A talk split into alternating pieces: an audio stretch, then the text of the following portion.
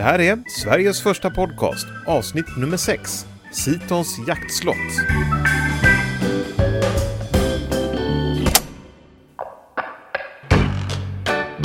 Hallå, hallå! Då var det fredag igen då och återigen dags för långsamma reseberättelser från Herbert Lindblad, a.k.a. Kassettmannen eller En svensk man på resa om man vill. Och detta är det sista avsnittet, ja, från bandet som är märkt 1975. Ni kan vara lugna, jag har jättemånga härliga orangea kassettband kvar i min låda här som vi ska gå igenom. Och ni vet ju, efter Herbert så blir det eftersnack även denna gång med Olof Berge och Jocke Aldén. Vi tackar dem så länge som panel. De kommer komma tillbaka i senare avsnitt, var så säkra på det. Men som sagt, tack så länge. Okej, jag ger er Herbert Lindblad från 1975. Varsågoda. Där står han i litteraturens heim som det orientalske spørsmålstegn. Om en storeunukken hans isekroner og dybt av imperiørerne knæles, läser han mulatt Ja, det hörs ganska bra här uppe på. En kulle. I trakten av Bollebygd på vägen till Hyssna körde jag cirka fem kilometer eh, och eh, det är den åttonde i åttonde. Jag körde ut i den heta värmen ifrån Göteborg. Och eh, eh, Eh, jag körde alltså Boråsvägen hit ut till Bollbygd. Ganska mycket trafik, men det blev mycket mindre när jag körde in på den lilla vägen. Jag tittade på några platser tänkbara. Men denna var den bättre. Jag körde upp hit. Ganska mycket blåbär och hallon finns det också. Och jag ser att lingonen börjar komma. Eh, klockan var sex när jag körde hem från Göteborg. Och jag var här uppe nog cirka alltså, halv åtta ungefär. Och jag har varit ute och plockat lite bär och sånt där. Och gjort i ordning. Jag ser på kartan här att eh, exakta platsen heter Grönbo. Fast på motsatta sidan av vägen då förstås. Eh, metern Mätaren ifrån Göteborg stod på 24,56. Och nu står den på 24,61.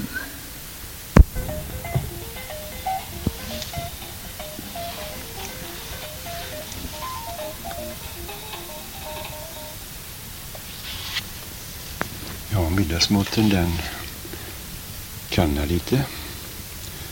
Under tiden så ska jag berätta om vad som har sig tilldragit under dagen. Jag körde alltså ifrån eh, övernattningen vid Grönbo där. Och eh, där fick jag mycket med både blåbär och hallon, den saken är klar. Och även lingonen börjar komma nu. Jag körde ner till eh, eh, Skene.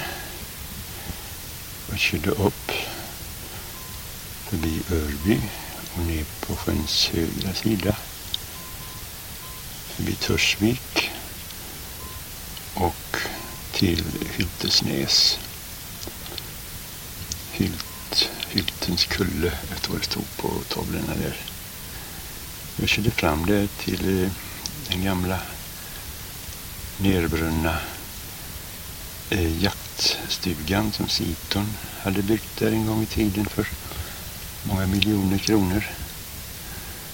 Han hade fört upp tusentals lass med jord och gjort väldigt fint med murar och utsikten var ju kolossalt fin så högt som det var där.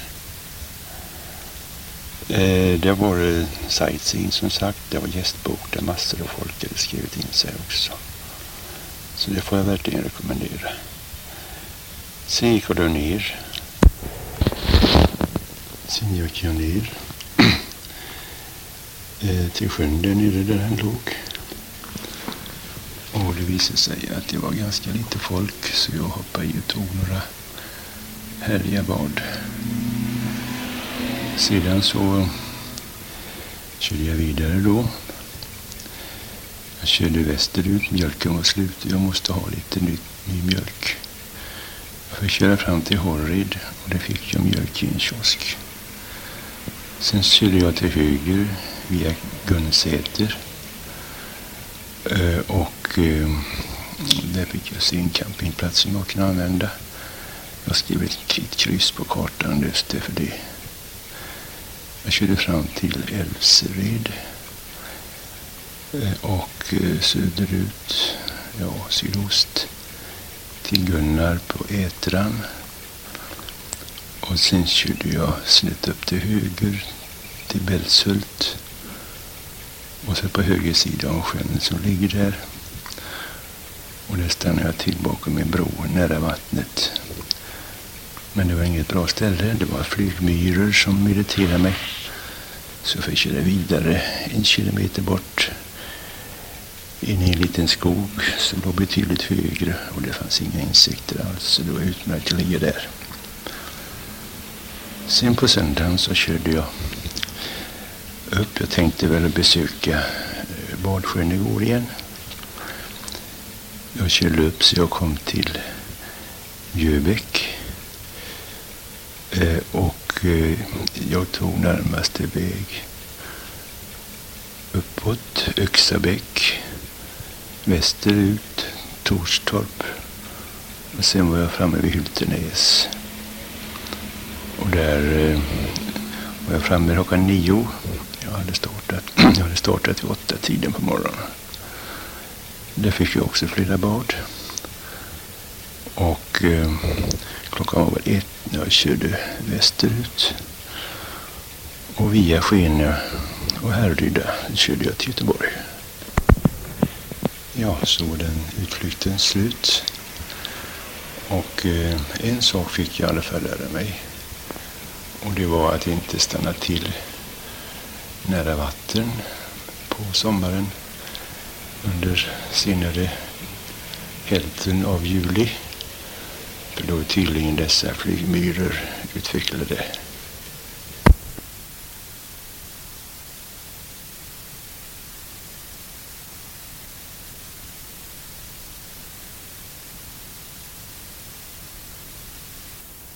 Inte närheten av vatten.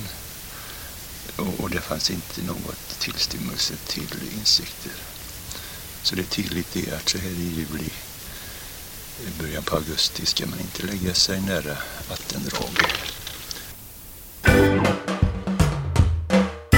Du lyssnar på Sveriges första podcast och vi har nu hört den sista delen i Herbert Lindblads kassettbandsinspelningar som det står 1975 på.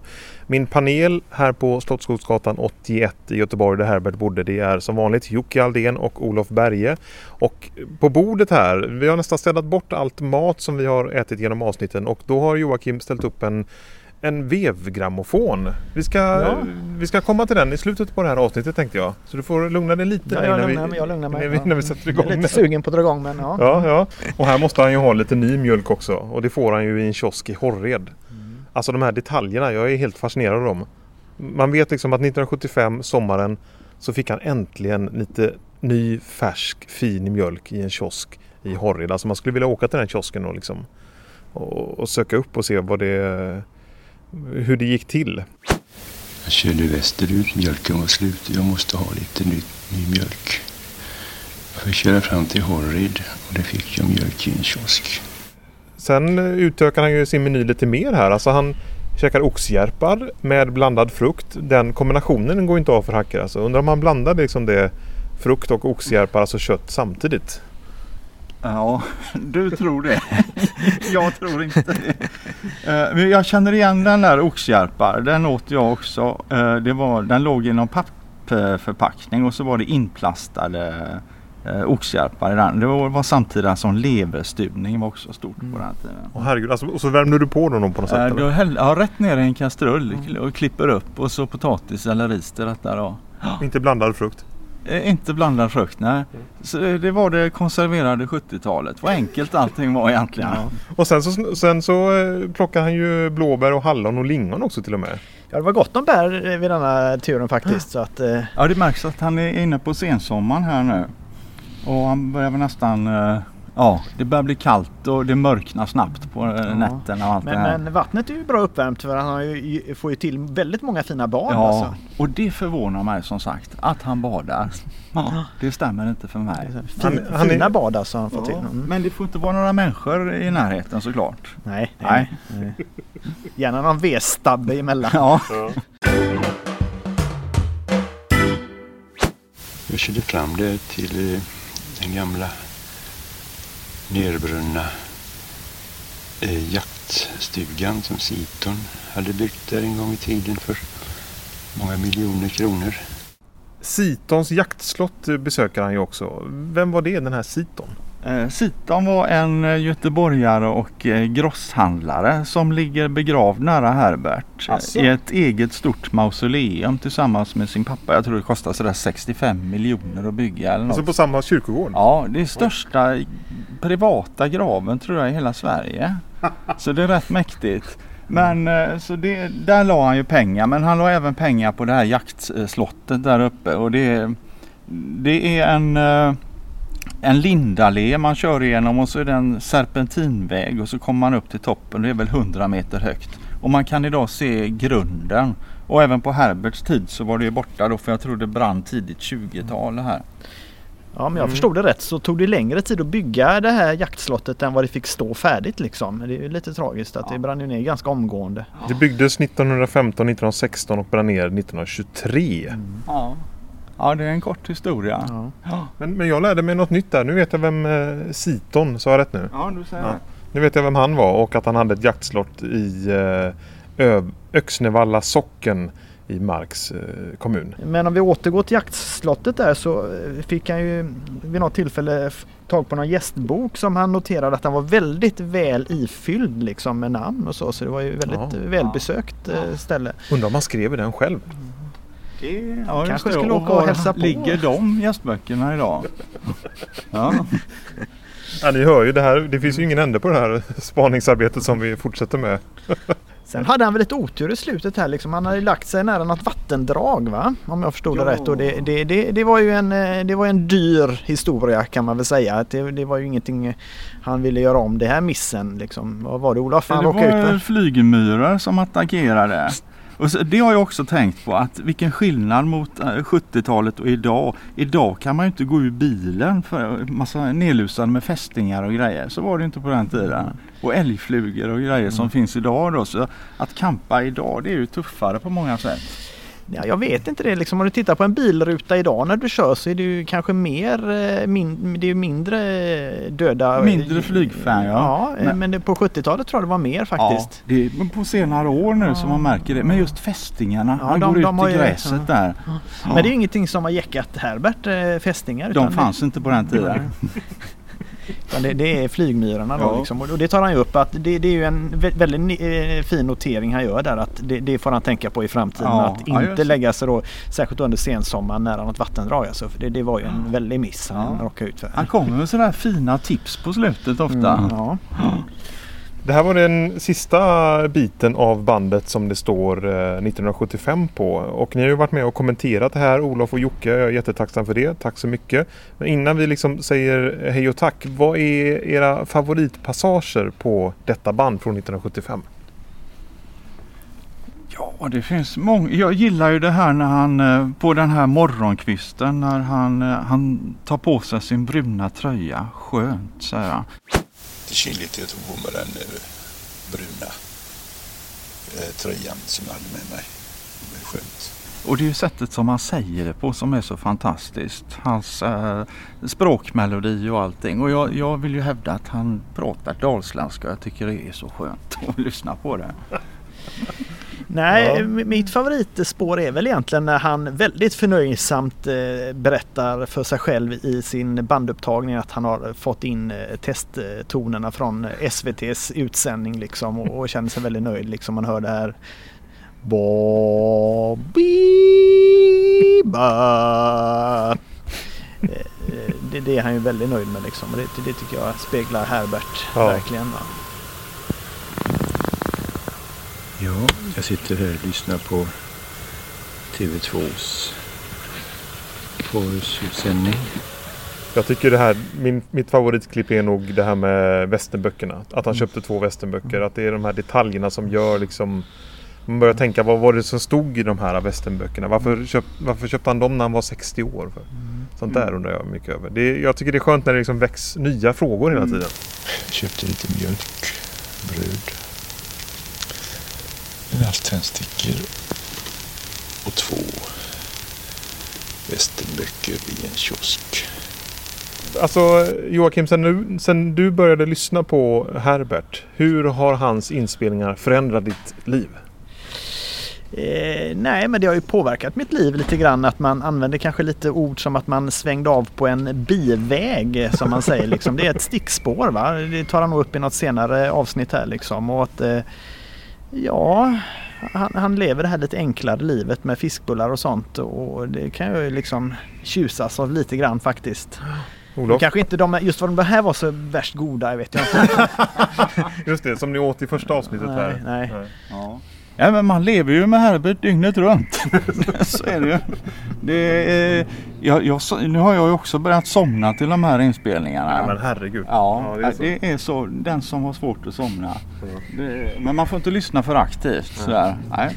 En bit från Slottsskogsgatan, lite mera centralt, där bor eh, en person som har betytt jättemycket för mig i mitt radiointresse och mitt radioyrke. Han heter Stefan Liv. Eh, det var honom som jag fick banden av. Det var han som klippte till de här bitarna som sändes i morgonpasset på 90-talet. Och han la liten musiksnutt i början på de här inslagen. Och Joakim, som av ett tillfälle så har du med dig en eh, vevgrammofon. Ja, Berätta. en, en eh, klassisk resegrammofon med vev och vi har eh, givetvis skaffat 78-varvsskivan också till denna och eh, nu ska vi få avnjuta signaturmelodin som gick på eh, morgonpasset eh, i mitten på 90-talet.